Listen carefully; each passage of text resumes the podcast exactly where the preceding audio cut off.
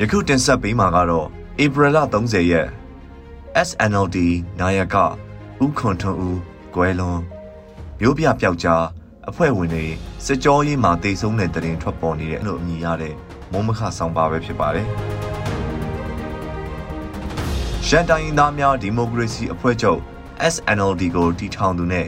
ဥက္ကဋ္ဌဆယ်စုနှစ်3ခုကျော်တာဝန်ယူခဲ့ပြီးနောက်နာယကအဖြစ်တာဝန်ယူခဲ့သူဦးခွန်ထွန်းဦးဟာ အသက်89နှစ်အရွယ်မှာကွယ်လွန်ခဲ့တာဖြစ်ပါတယ်။အသက်အရွယ်အရ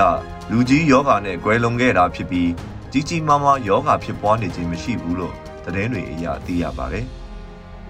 1988ခုနှစ်စစ်အာဏာသိမ်းပြီးနောက်စစ်အစိုးရလက်ထက်မှာ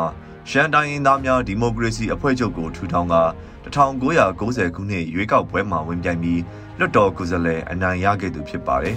။လူမျိုးစုပြည်နယ်တွေအနက် အကျယ်ဆုံး area ပမာဏရှိတဲ့ရှမ်းပြည်နယ်ရဲ့နိုင်ငံရေးတွေမကပဲပြည်မရဲ့နိုင်ငံရေးနယ်ပယ်မှာပါလေးစားခံရသူတူဖြစ်ပါတယ်။1988ခုနှစ်နောက်ပိုင်းဆယ်စုနှစ်3ခုကျော်ကာလအတွင်းမှာဒီမိုကရေစီအရေး Federal အရေးအတွက်ရည်တည်ချက်မယိမ့်နိုင်ပဲရည်တည်ခဲ့သူအကျဉ်းထောင်နဲ့နှစ်ရှည်ကြခံရတော့လဲရည်တည်ချက်မပြောင်းလဲကြက်ကြက်ခံပြီးရှမ်းလူမျိုးတို့ရဲ့နိုင်ငံရေးရည်တည်ချက်အတွက်ခိုင်ခိုင်မာမာရည်တည်ခဲ့သူဖြစ် တမိုင်းအဖြစ်အပျက်တွေအရမှတ်ကြောက်တင်ခံနိုင်တဲ့ခေါင်းဆောင်တဦးလည်းဖြစ်ပါတယ်။ဒီကနေ့အဖို့တခြားသတင်းတစ်ပုဒ်ကတော့ Dark Shadow လို့အမည်ပေးထားတဲ့ရန်ကုန်ကမြို့ပြပျောက်ကြားအစုအဖွဲ့ဝင်တွေပြီးခဲ့တဲ့ရက်ပိုင်းအတွင်းကကြီးမြင့်နိုင်မြို့နယ်တဲကဘုံခိုရာနေရာမှာဖမ်းဆီးခံခဲ့ရပြီး၎င်းတို့အဖွဲ့ဝင်အချို့ကတော့မြို့အဝင်ဂိတ်မှာဖမ်းဆီးခံရဆိုတဲ့သတင်းတွေထွက်ပေါ်နေခဲ့ပါတယ်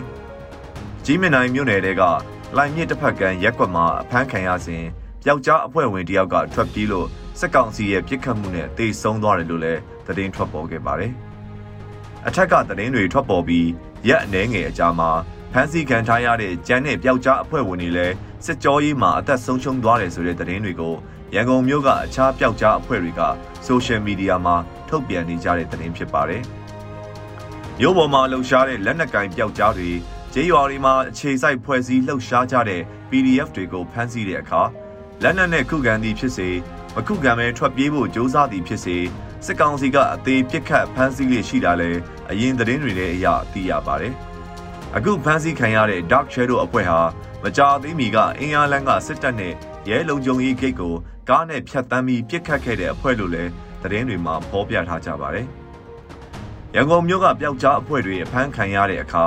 အစုအဖွဲ့တစ်ဖွဲ့လုံးနီးပါးသို့မဟုတ် အများစုကဆက်ဆက်ပြီးရပ်ပိုင်းအတွင်းအဖမ်းခံကြရလိမ့်ရှိပါတယ်။တစုံတယောက်ကစစ်ကောင်စီလက်ထဲကြာရောက်တဲ့အခါရက်ဆက်တဲ့ညင်ပန်းနှိပ်စက်မှုကြောင့်တော်၎င်း digital ဆက်သွယ်ရေးတွေရဲ့ခြေရာကြောင့်တော်၎င်းအစုအဖွဲ့မှာပါဝင်သူတွေအနေနဲ့မြို့ထဲမှာဘေးလွတ်အောင်ရှောင်တိန်ဖို့မလွယ်ကူတဲ့အခြေအနေမျိုးနဲ့ရင်ဆိုင်နေရပြီးစစ်ကောင်စီလက်ထဲကြာရောက်ရတဲ့သဘောမျိုးတွေ့ရတာပါ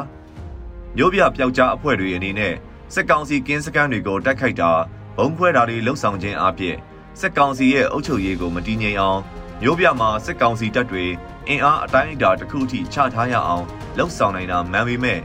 အဲ့ဒီအတွက်စတေးရတဲ့အသက်တွေအရင်အမြင့်တွေကတန်ရဲ့လားဆိုတာမျိုးလဲအချို့ကမေးခွန်းထုတ်ကြပါတယ်။မြို့ပေါ်မှာမတည်ငြိမ်အောင်ဖောက်ခွဲမှုနဲ့ချောင်းမြောင်းပြစ်ခတ်မှုတွေကိုအတွေ့အကြုံရှိသူလေ့ကျင့်ထားသူတွေလှုပ်ဆောင်ရတာမှန်ပေမဲ့တစုံတရာလုံခြုံရေးအရာပေါက်ကြားနိုင်ခြေရှိတာခြေရာခံမိသွားတဲ့အနေအထားမျိုးလို့ယူဆရင် တိုင်းရင်းသားလက်နက်ကင်ဒေသတွေစီတိန့်ရှောင်ခိုလုံနိုင်တဲ့အခြေအနေမျိုးလဲဖန်တီးနိုင်ရင်အခြားသူအစားထိုးတာဆက်သွယ်ရေးကွန်ရက်အသစ်ကိုဖန်တီးပြီးသုံးတာစတဲ့နီးလန်းတွေနဲ့စစ်ကောင်စီလက်ကြားရောက်မှုအ ਨੇ ဆုံးဖြစ်အောင်လှုပ်ဆောင်နိုင်ဖို့အရေးကြီးတယ်လို့လည်းအချို့သောမြေအောက်လှုပ်ရှားမှုအတွေ့အကြုံရှိသူတွေကအကြံပြုပြောကြတာတွေလည်းကြားသိရပါတယ်ခင်ဗျာ။